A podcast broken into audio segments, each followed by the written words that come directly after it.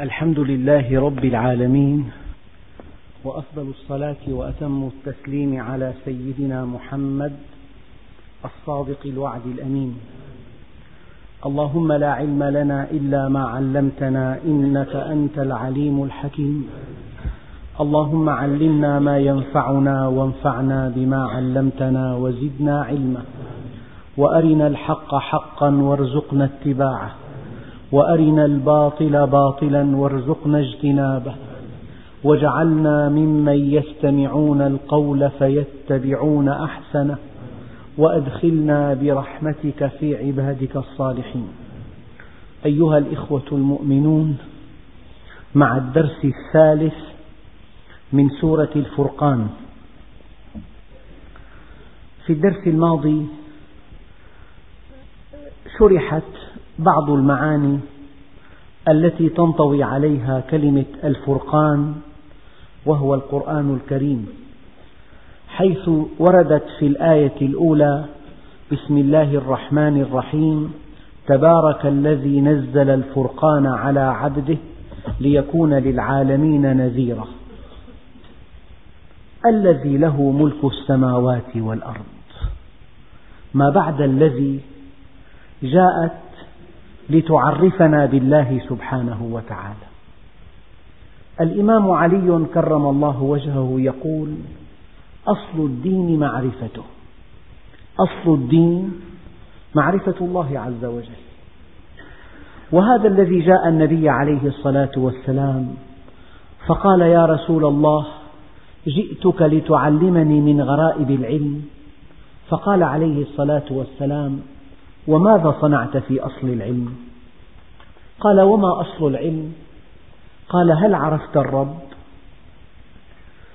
فالقول الذي أثر عن سيدنا علي كرم الله وجهه أصل الدين معرفته وأصل العبادة معرفة شرعه وأصل صلاح الدنيا معرفة خلقه.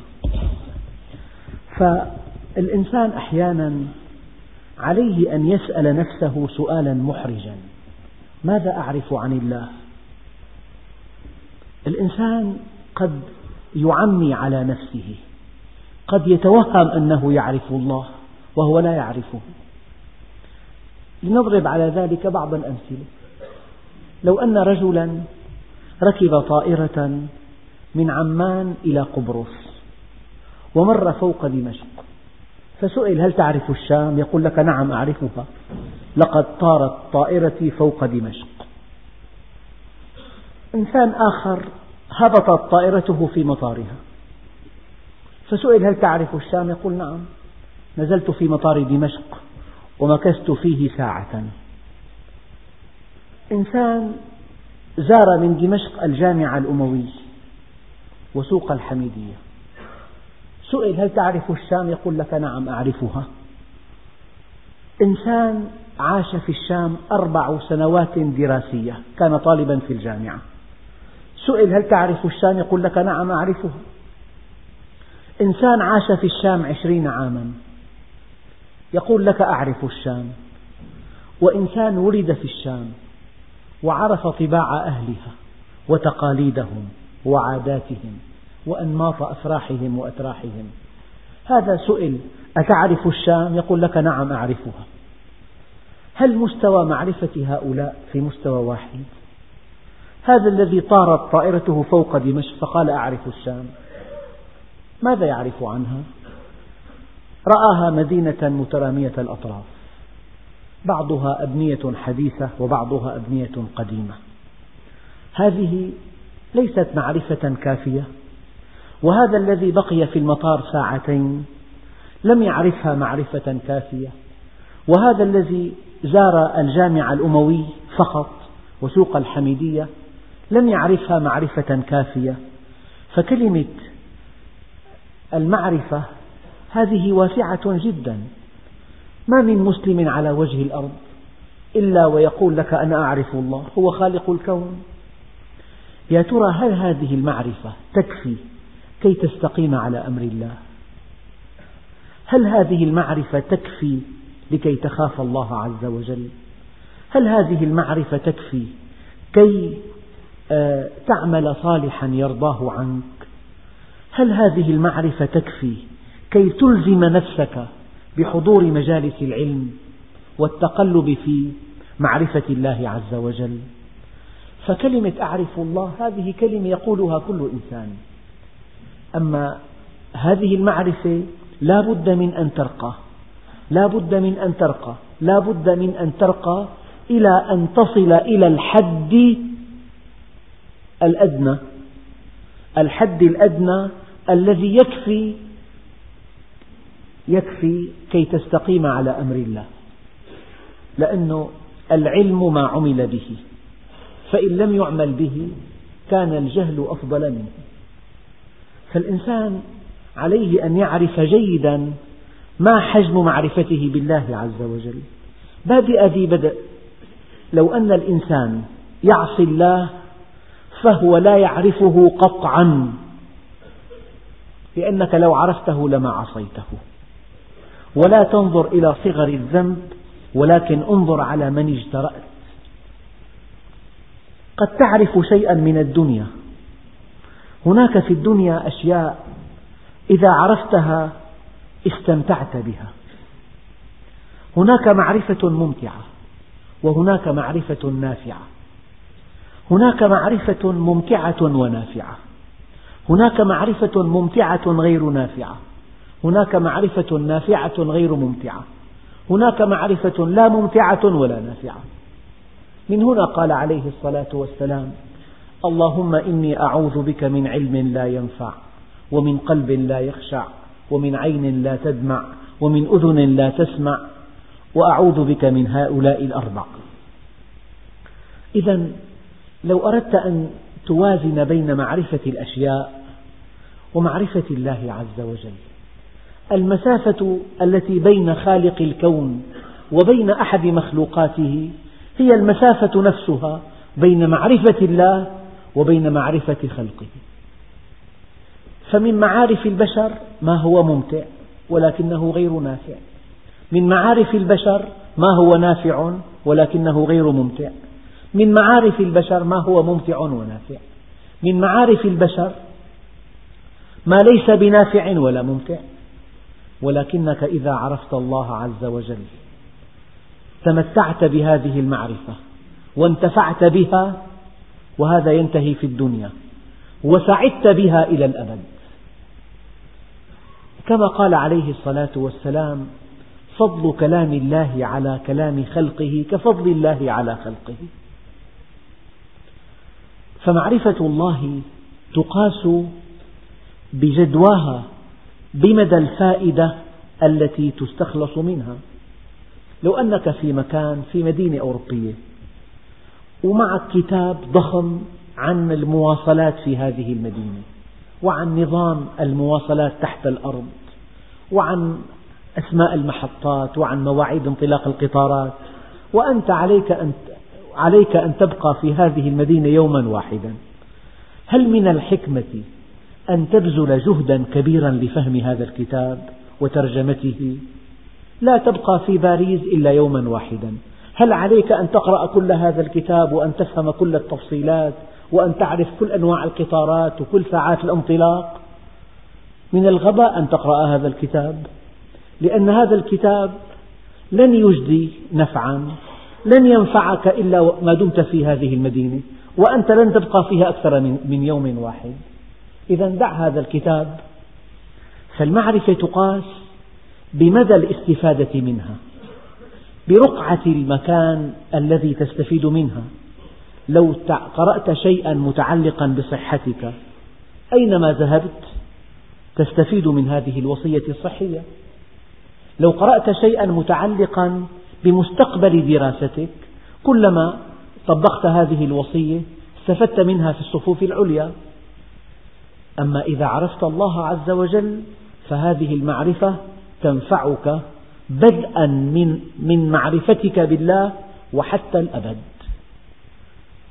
فالإنسان عليه ألا يضيع وقته الثمين في معرفة لا تجدي ولا, ولا تغني.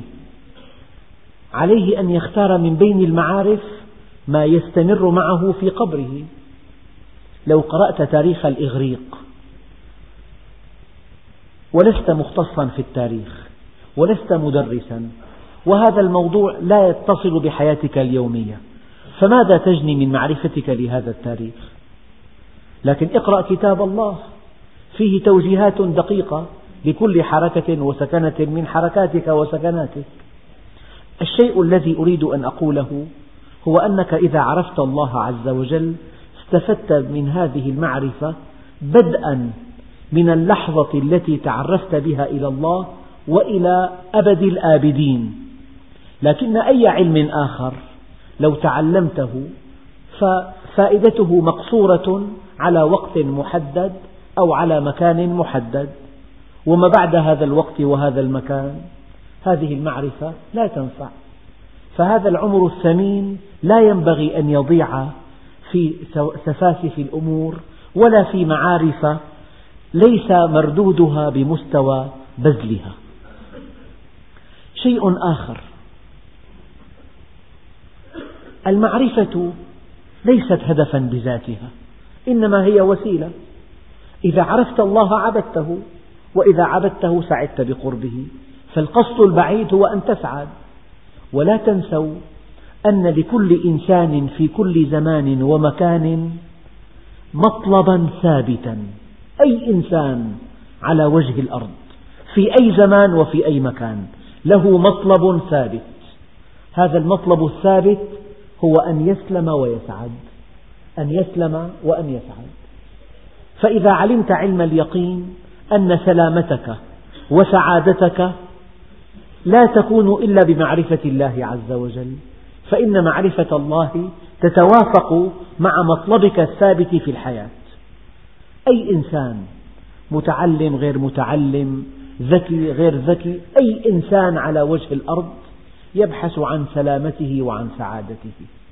لكن المؤمن الحق يعلم علم اليقين أن سعادته في معرفته لله عز وجل.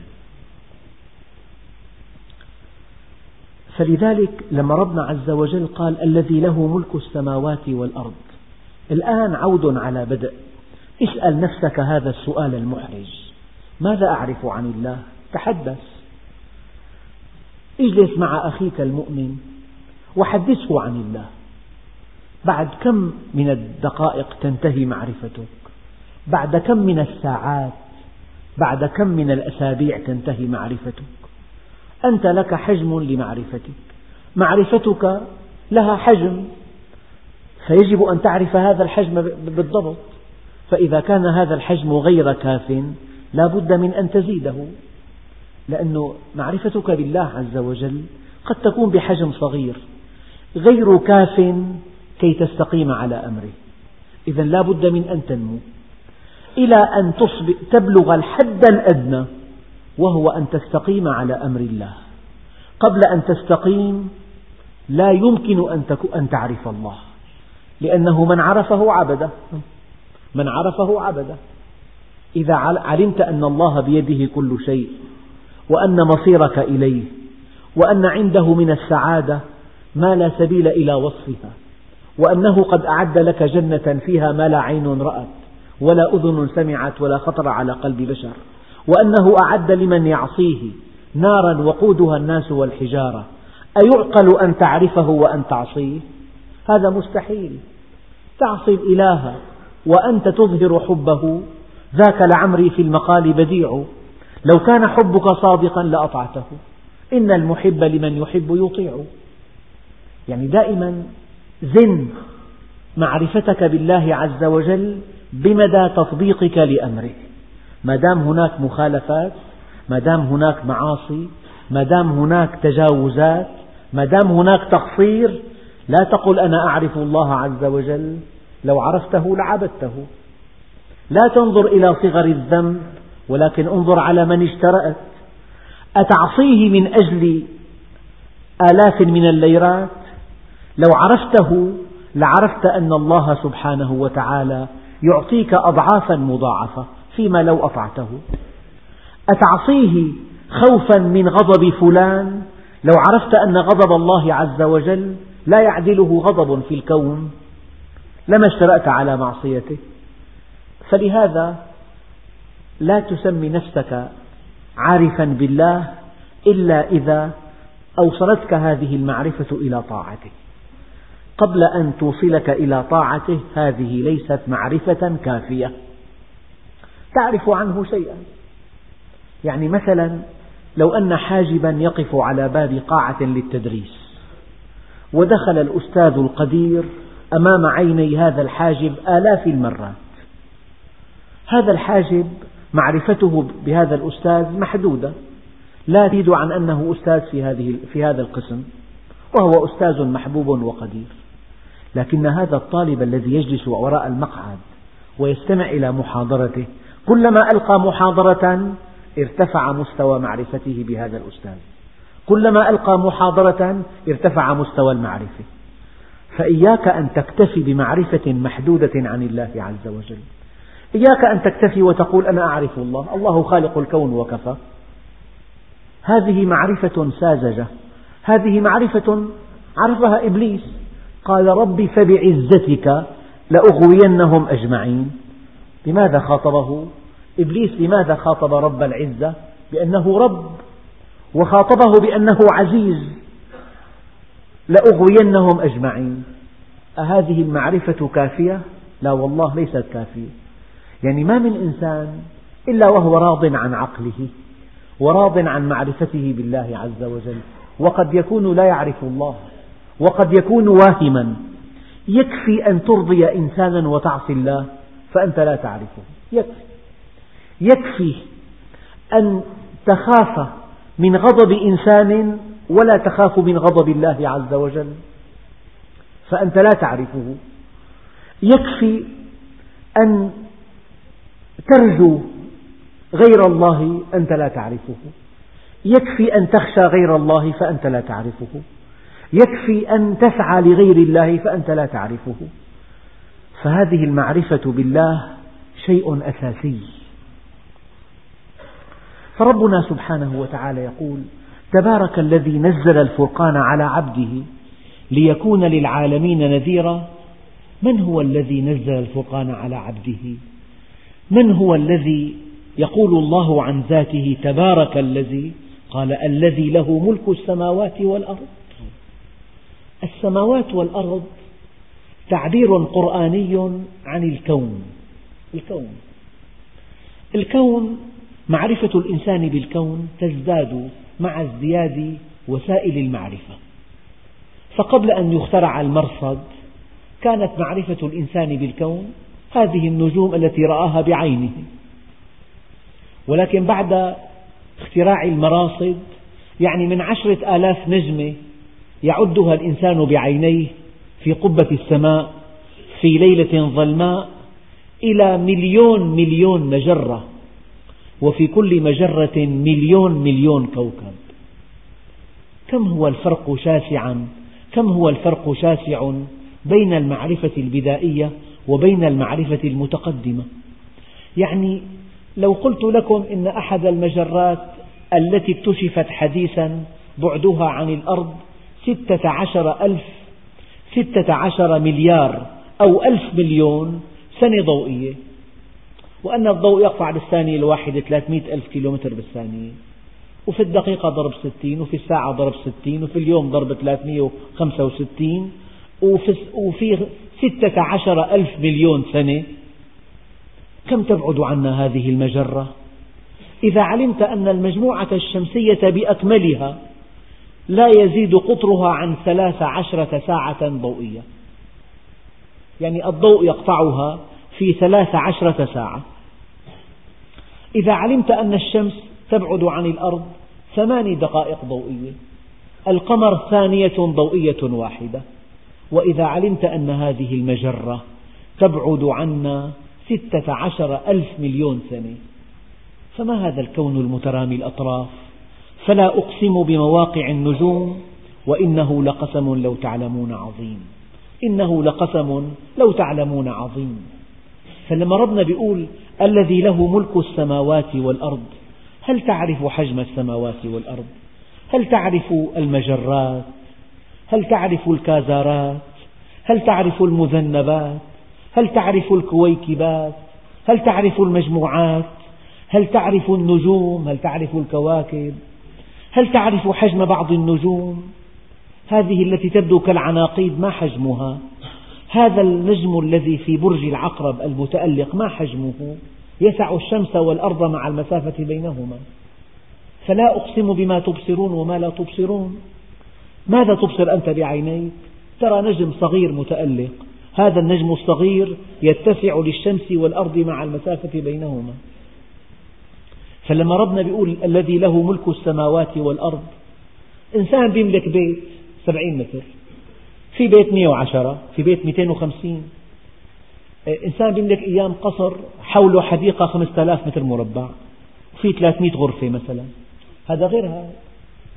إنسان يملك كل أسواق المدينة. كم حجم أمواله؟ إنسان يملك كل المدن في العالم كل الأراضي الزراعية كل المعامل كل الشركات الناجحة كل الأسواق التجارية الضخمة كل البيوت الرائعة الذي له ملك السماوات والأرض. يعني هذه المجرات هذه الكواكب المجموعة الشمسية. ما دام الشمس تكبر الأرض بمليون وثلاثمئة ألف مرة ولو ألقيت فيها الأرض لتبخرت في ثانية واحدة.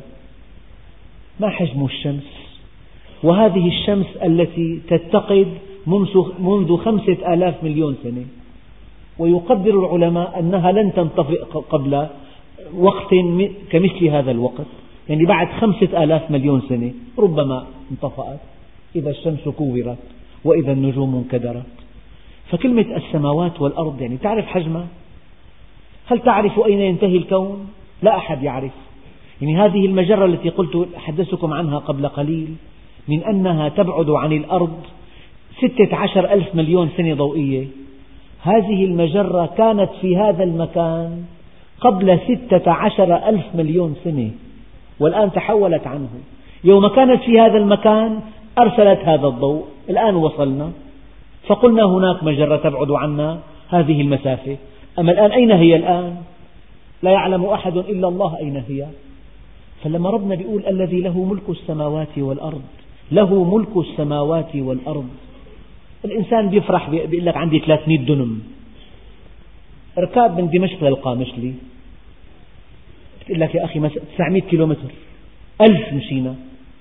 إيه انظر إلى سوريا على كرة أرضية مجسمة. إذا كتبوا عليها سوريا Syria بأصغر حرف بتغطي كل المساحة. سوريا على كرة أرضية مجسمة. إذا أردنا أن نكتب عليها Syria بالإنجليزي S Y R A I A بيغطوا كل مساحتها بأصغر حرف. وين بقى القارات الخمس؟ شوف الحجم الصغير على الكرة المجسمة. مشيت من دمشق إلى القامشلي 900 كيلومتر. بيقول لك 10 ساعات أكلوا معنا. 16 ساعة تكسر بدننا. طيب هي سوريا لسه في الدول العربية بكاملها في الدول الإسلامية في آسيا في شرق آسيا في الصين في روسيا في أوروبا في أمريكا في أوقيانوسيا في إفريقيا. كل هذه الدول عشرين بالمئة من سطح الأرض. والباقي بحار. أربعة أخماس الكرة الأرضية بحار. وهي الكرة يلي لو ألقيت في الشمس لتبخرت في ثانية واحدة. والشمس أكبر منها بمليون وثلاثمئة ألف مرة. وأنها تدخل مع الشمس ومع المسافة بينهما في قلب العقرب. فما معنى قول الله عز وجل الذي له ملك السماوات والأرض؟ هل تعرف أين ينتهي الكون؟ وما قدر الله حق قدره والأرض جميعا قبضته يوم القيامة والسماوات مطويات بيمينه فربنا عز وجل في هذه الآية أراد أن يعرفنا بذاته قال الذي له ملك السماوات والأرض الأرض هل تعرف أنواع الصخور؟ هل تعرف أنواع المعادن وخصائص المعادن؟ هل تعرف أشباه المعادن؟ هل تعرف أنواع الغازات؟ هل تعرف السوائل كلها؟ هل تعرف أنواع الأسماك؟ بعض العلماء يقول هناك مليون نوع للسمك مليون مو مليون سمكة مليون نوع هل تعرف أنواع الطيور؟ هل تعرف أنواع الديدان؟ أنواع الزواحف، أنواع الثدييات، أنواع القوارض، هل تعرف أنواع الفيروسات؟ فيروس واحد حير العالم الآيدز، حير العالم، أربك العالم، هل تعرف أنواع البكتيريات؟ هل تعرف الحيوانات البدائية وحيدة الخلية؟ هل تعرف أنواع الرخويات؟ هل تعرف الحيوانات العملاقة؟ الحوت كم طن وزنه؟ بالأطنان الكثيرة ثلاثين طن أو مئة وثلاثين طن رقم كبير جدا. يعني تسعين برميل زيت يطلع من كبده تسعين برميل كل برميل مئتين كيلو. خمسين طن دهن خمسين طن لحم ثلاثين طن عظام. دماغه وزنه 900 كيلو. طن إلا شوي. إيه، جر باخرة مرة الحوت 48 ساعة بعكس اتجاهها وهي تعمل محركاتها بأقصى درجة. جرة. وجبته الغذائية المتواضعة 300 كيلو حليب هو رضيع 300 كيلو حليب. باليوم بده طن حليب باليوم. إذا حب يعمل هيك سندويشة أربعة طن سمك تحت ما بياكله بتعرف وفي وفي أشياء دقيقة جدا. يا ترى الذي له ملك السماوات والأرض؟ أنواع الحيتان أنواع الأسماك. الآن أنواع الأشجار. العنب 300 نوع بمركز البحوث عنه 300 نوع.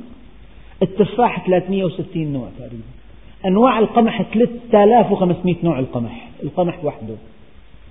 أنواع البقول أنواع الحبوب أنواع المحاصيل أنواع الحشائش الربيع الآن موجود. شوف كم, كم زهرة فيه. كم نوع من أنواع الزهور موجود. أنواع النباتات نباتات الزينة نباتات شوكية نباتات حدودية نباتات للأخشاب. الأخشاب مئة نوع خشب الزان وخشب السنديان وخشب الكندي وخشب الشوح وأنواع منوعة والحور الرومي والحور الشرقي. أنواع الأخشاب كم نوع؟ أنواع الفواكه أنواع الثمار أنواع الخضروات الذي له ملك السماوات والأرض. أنواع الثروات المدفونة في باطن الأرض. له ما في السماوات وما في الأرض وما بينهما وما تحت الثرى. هل تعرف ماذا تحت الثرى؟ البوتاس، الفوسفات، المنغنيز هذه الثروات الهائلة. ماذا في الجو؟ من كائنات. طبقة الأوزون تخلخلت قامت الدنيا ولم تقعد. عقد مؤتمرات من أجلها. كل الطبقة مليمترات تحيط بالأرض. غاز الأوزون يمنع عنا الأشعة القاتلة. من كثرة إطلاق الأقمار الصناعية. هذه الطبقة تخلخلت. مع تخلخلها بدأ الطقس في الأرض يتغير وبدأ يصاب الناس في أوروبا بسرطان الجلد. طيب من, من وضع هذه الطبقة لتحول بين الإنسان وبين أشعة الشمس القاتلة؟ الله سبحانه وتعالى الذي له ملك السماوات والأرض. كلمة له دقيقة جدا. يعني له خلقا وله تصرفا وله مصيرا. قد تملك الشيء ولا تملك أن تنتفع به وقد تنتفع به ولا تملكه وقد تملكه وتنتفع به ولكن ليس إليك مصيره. لما ربنا بيقول له يعني هو الخالق وهو المربي وهو المسير وإليه المصير. يعني أوسع أنواع الملكية. خلق. أنت تقتني سيارة ليست لست صانعها لكنك اشتريتها. قد تستأجرها تنتفع بها ولا تملكها. قد تمتلك بها ولا تنتفع بها. قد تمتلكها وتنتفع بها ولكن ليست لك في النهاية. تؤخذ منك غصبا. لكن له ملك السماوات والأرض أي هو الخالق وهو الذي يمد المخلوقات بما يحتاجونه وهو المربي وهو الذي يسير كل شيء للخير هو المسير وإليه المصير. فإذا قال الله عز وجل له ملك السماوات والأرض من المعاني الأخرى لو أردنا أن نتوسع بكلمة الملك كل شيء يملك لو أردنا أن نقترب من جسدنا فقط. يعني الإنسان في عنده غدة نخامية. يا ترى بيملكها؟ بيملك يخفف نشاطها بيملك يوقف نشاطها بيملك يعمل لها تعديل لو أنه نشاطها زاد؟ بعرف إنسان توفي في مقتبل الحياة السبب لا يصدق. الطحال كان يعمل أكثر مما يجب أن يعمل. يا ترى أنا مالك الطحال تبعي؟ بقدر أنه عدل له عمله خفف من عمله زيد بعمله وقف نشاطه امنع نشاطه ما بقدر. أنت مالك الطحال مالك البنكرياس تبعك؟ لو اختلت وظيفته بصير مع مرض السكر الواحد. ما هو مرض السكر؟ هو عجز البنكرياس عن إفراز الأنسولين. الأنسولين يحرق السكر. أنت مالك البنكرياس مالك الطحال هل تملك الغدة الدرقية؟ هي إذا كان زاد نشاطها الإنسان يستهلك كل طاقته. وإذا خف نشاطها تصبح خمول. أحيانا الإنسان يكون يعني عصبي المزاج يكون في عنده إفراز بهذه الغدة من درجة مرتفعة جدا. أو خمول يكون إفرازها ضعيف. هل تملكها أنت؟ هل تملك الكظرين؟ لو أن هاتين الغدتين توقفتا عن العمل صار الإنسان جثة هامدة حي لكن لا, لا يغضب ولا ينزعج ولا يسور ولا يعمل ولا يجتهد كسول خمول خنوع. هذه الكظرين القزحية الجسم البلوري الماء الخلط الزجاجي الخلط المائي الشبكية 130 مليون عصية عشر طبقات. طالع منهم عصب بصري 400 ألف عصب. بيتصالبوا بمؤخرة الجمجمة. بيجوا على مركزي الرؤية. في مركز رؤية بالدماغ. لو تعطل لا ترى شيئا. مع سلامة العين. هل تملك العين؟ هل تملك الأذن؟ تستمع إلى النغم وإلى الضجيج. فلان كذا هذا صوت فلان هذا صوت فلان. هذا الصوت رفيع هذا الصوت حاد هذا الصوت رخيم. هذا الصوت حاد هل تملك الأذن؟ هل تملك هذه الحاسة حاسة الشم؟ تعرف المطعومات والمأكولات والمشمومات هل تملك هذا اللسان لو تعطل؟ هل ماذا تملك؟ الذي له ملك السماوات والأرض هل تملك الدماغ؟ هل تملك أن تنمو هذه هذه الخلايا نموا طبيعيا؟ هذا الذي تنمو فيه الخلايا نموا غير طبيعي. ماذا يفعل؟ تنتهي حياته. مرض خبيث. بيدك ملك نمو الخلايا الذي له ملك السماوات والأرض. يعني نحن تحت ألطاف الله عز وجل. مليون مليون مليون مليون عامل لبقائنا أحياء. يعني خلية لو نمت نمو زائد مشكلة. لو غدة لا ترى بالعين قصرت مشكلة. الكظر أوقف إفرازه مشكلة. زاد إفرازه مشكلة.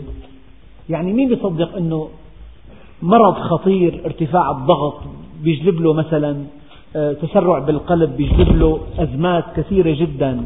أسبابها أنه شريان الوريد الكلوي أضيق مما يجب. فالكلية تفرز يعني حينما تضعف فيها التروية يرتفع الضغط في الإنسان. مع ارتفاع الضغط يتعب القلب مع تعب القلب تتصلب الشرايين. قضية دارة معقدة جدا. يعني لما الإنسان يستيقظ صباحا أصبحنا وأصبح الملك لله.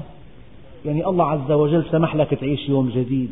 يعني بدءا من الغدد الصماء النخامية الدرقية البنكرياس الكظر آه، الطحال مثلا الجهاز الهضمي الذغابات الامتصاص.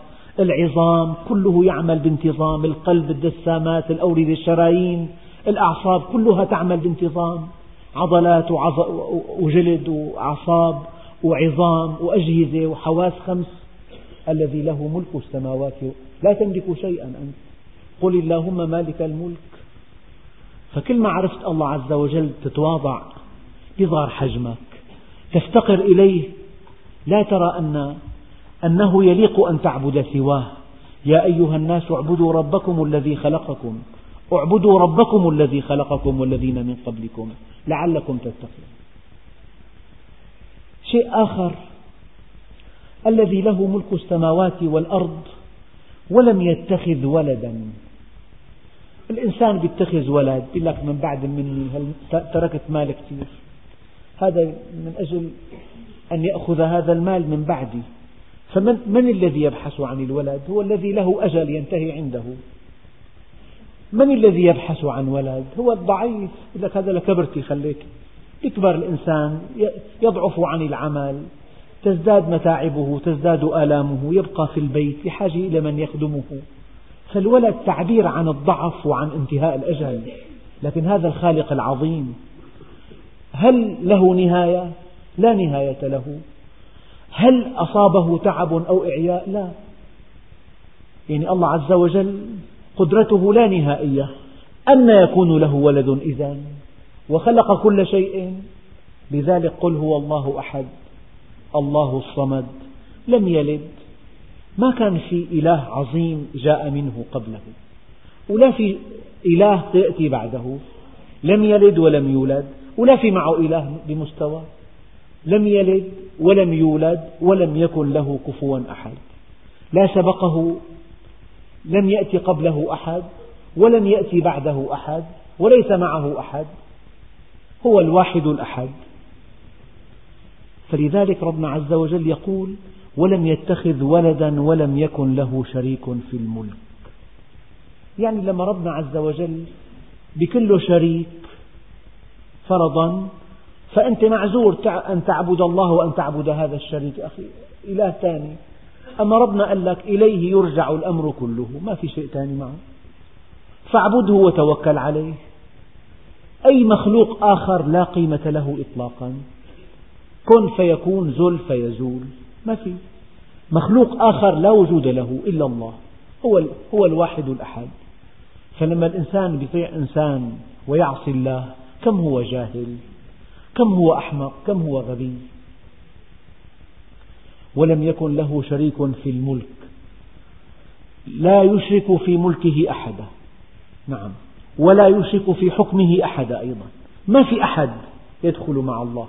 وإذا أعطاك من يمنعه؟ ثم من يعطي إذا ما منعك؟ ما يفتح الله للناس من رحمة فلا ممسك لها. وما يمسك فلا مرسل له من بعده. وهو العزيز الحكيم. ولم يكن له شريك في الملك وخلق كل شيء فقدره تقديرا.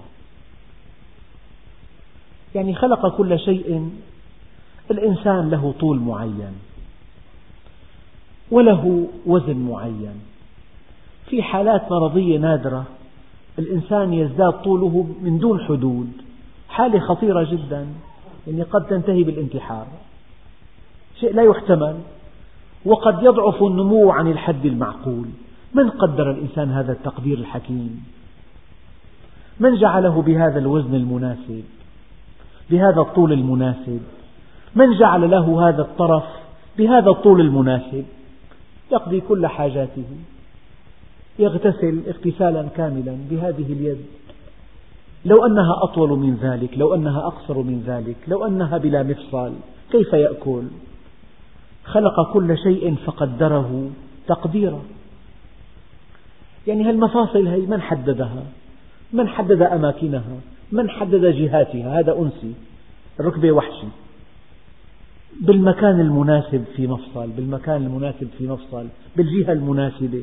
هذا المفصل دائري. في مفصل دائري في مفصل 170 آه، درجة رقبة تقريبا.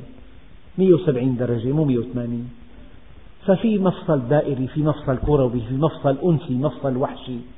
مين بنى هالمفصل غضاريف مع مواد زيتية. ما في آلة ما بدها تزيت. داخلي دائم مدى الحياة. يعني هل بصر هذا له عتبة.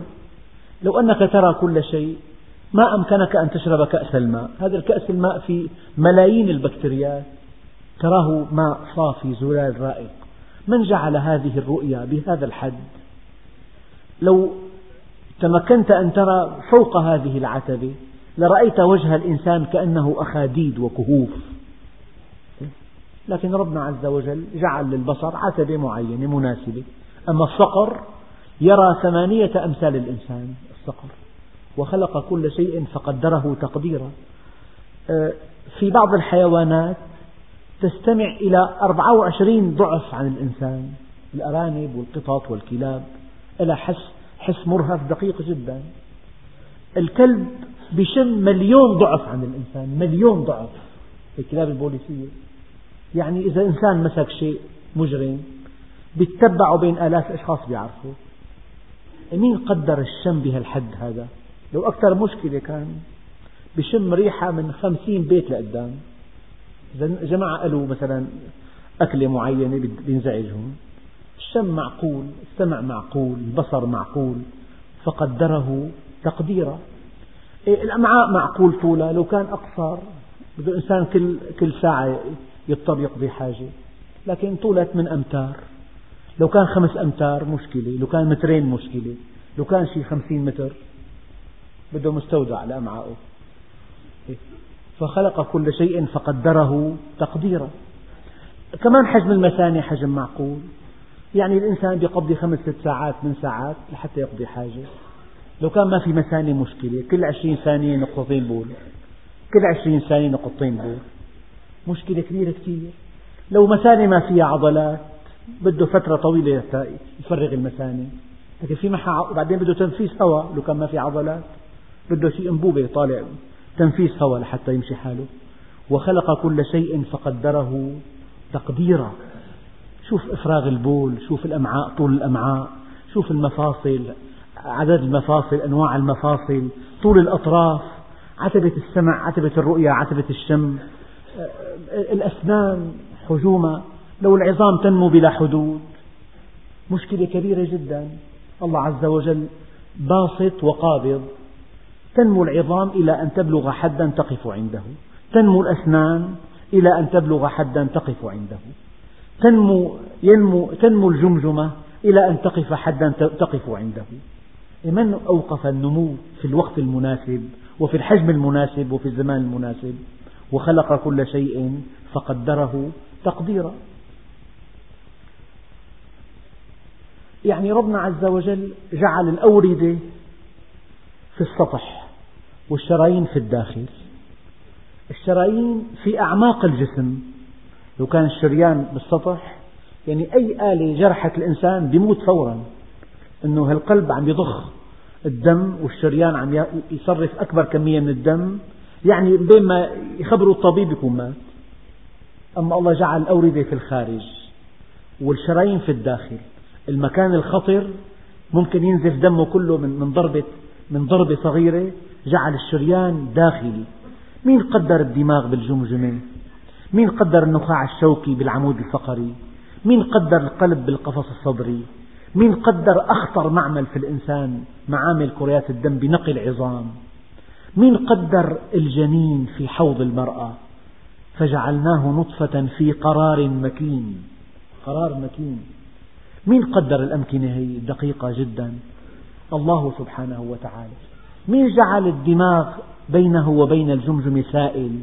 هذا السائل إذا جاءته ضربة يوزعها على كل السطح.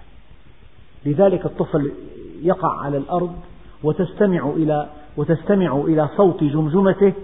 لها دوي كدوي الآنية ومع ذلك يقف ضاحكا. أنه الله مجهزه بجمجمة فيها مفاصل متحركة مفاصل ثابتة. هذه المفاصل تتحمل ضغط ميليمتر واحد تمتص كل الصدمات وجعل له سائل بين الدماغ وبين العظام فهذا السائل أيضا يمتص الصدمة.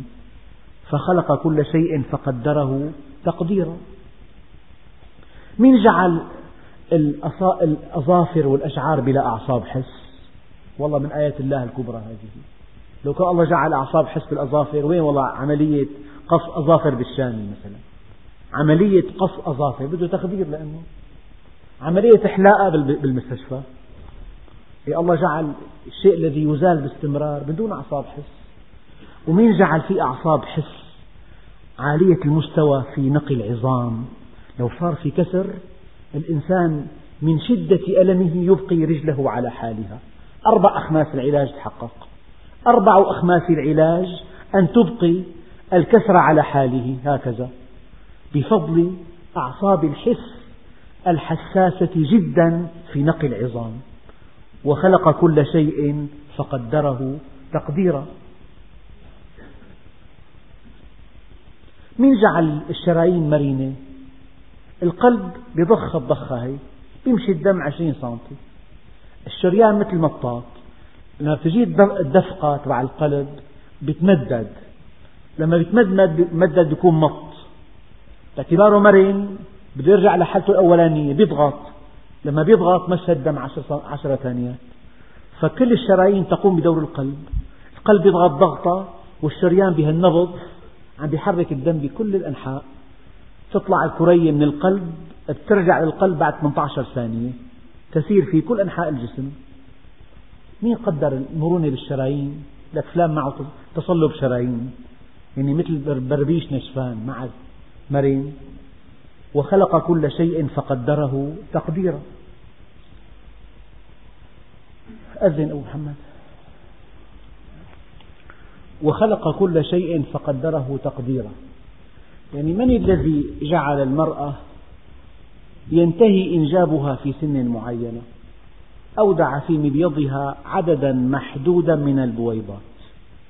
فإذا انتهت دخلت في سن اليأس بينما الرجل بإمكانه أن ينجب حتى في الثمانين.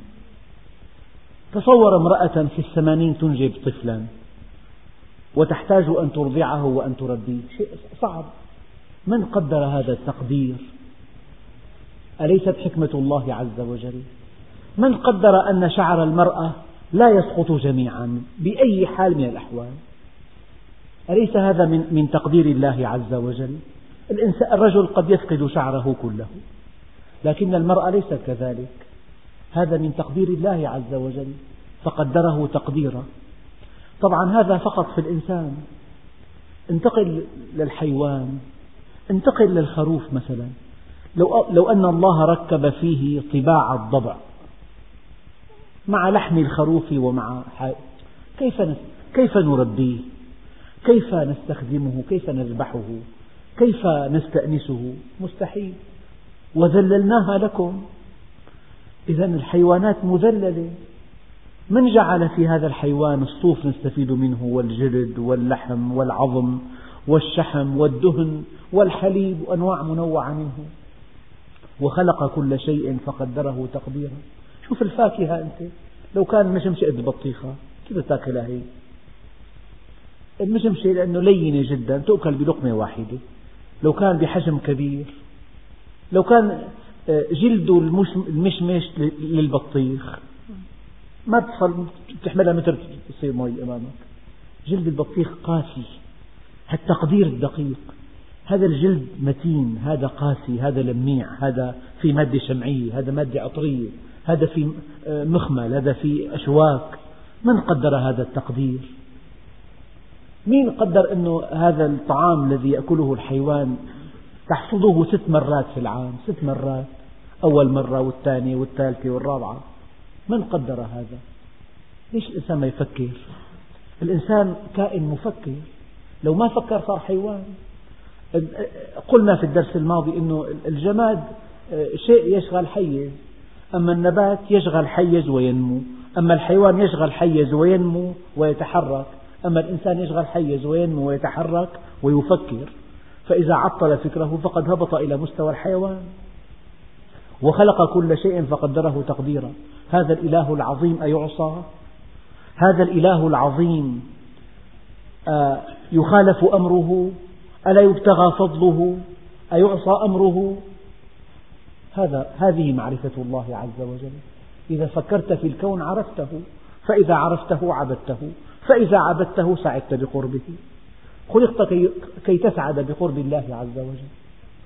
يعني أنا تكلمت بعض الشواهد أما بتمنى على كل أخ من الأخوان الكرام يفكر لحاله بخلق جسمه بطعامه بشرابه بما حوله من كائنات من نباتات من حيوانات.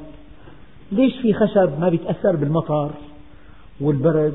هذا خشب النوافذ.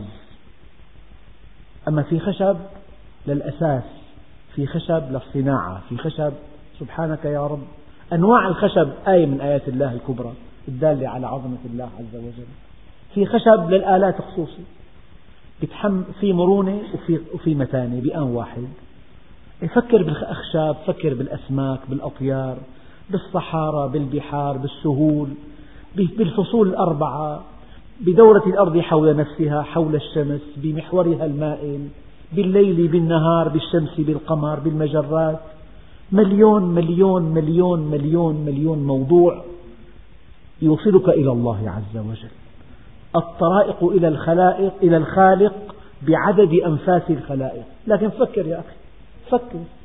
لا تستخدم هذا الفكر لأشياء تافهة لسفاسف الأمور للإيقاع بين الناس للاحتيال عليهم.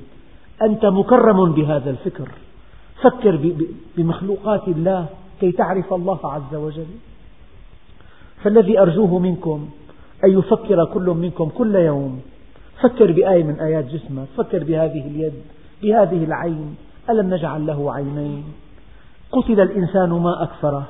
من أي شيء خلقه؟ من نطفة خلقه فقدره ثم السبيل يسره. الولادة آية من آيات الله الدالة على عظمته. فتبارك الذي نزل الفرقان على عبده ليكون للعالمين نذيرا الذي له ملك السماوات والأرض.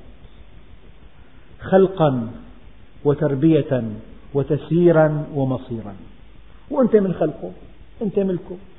جسمك ملكه حواسك الخمسة ملكه عضلاتك ملكه حركتك ملكه تفكيرك ملكه ذاكرتك ملكه الغدد الصماء ملكه كل شيء ملكه.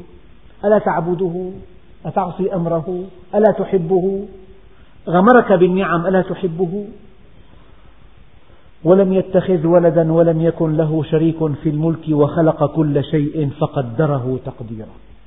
في الدرس القادم إن شاء الله تعالى واتخذوا من دونه آلهة واتخذوا من دونه آلهة لا يخلقون شيئا وهم يخلقون ولا يملكون لأنفسهم ضرا ولا نفعا ولا يملكون موتا ولا حياة ولا نشورا والحمد لله رب العالمين.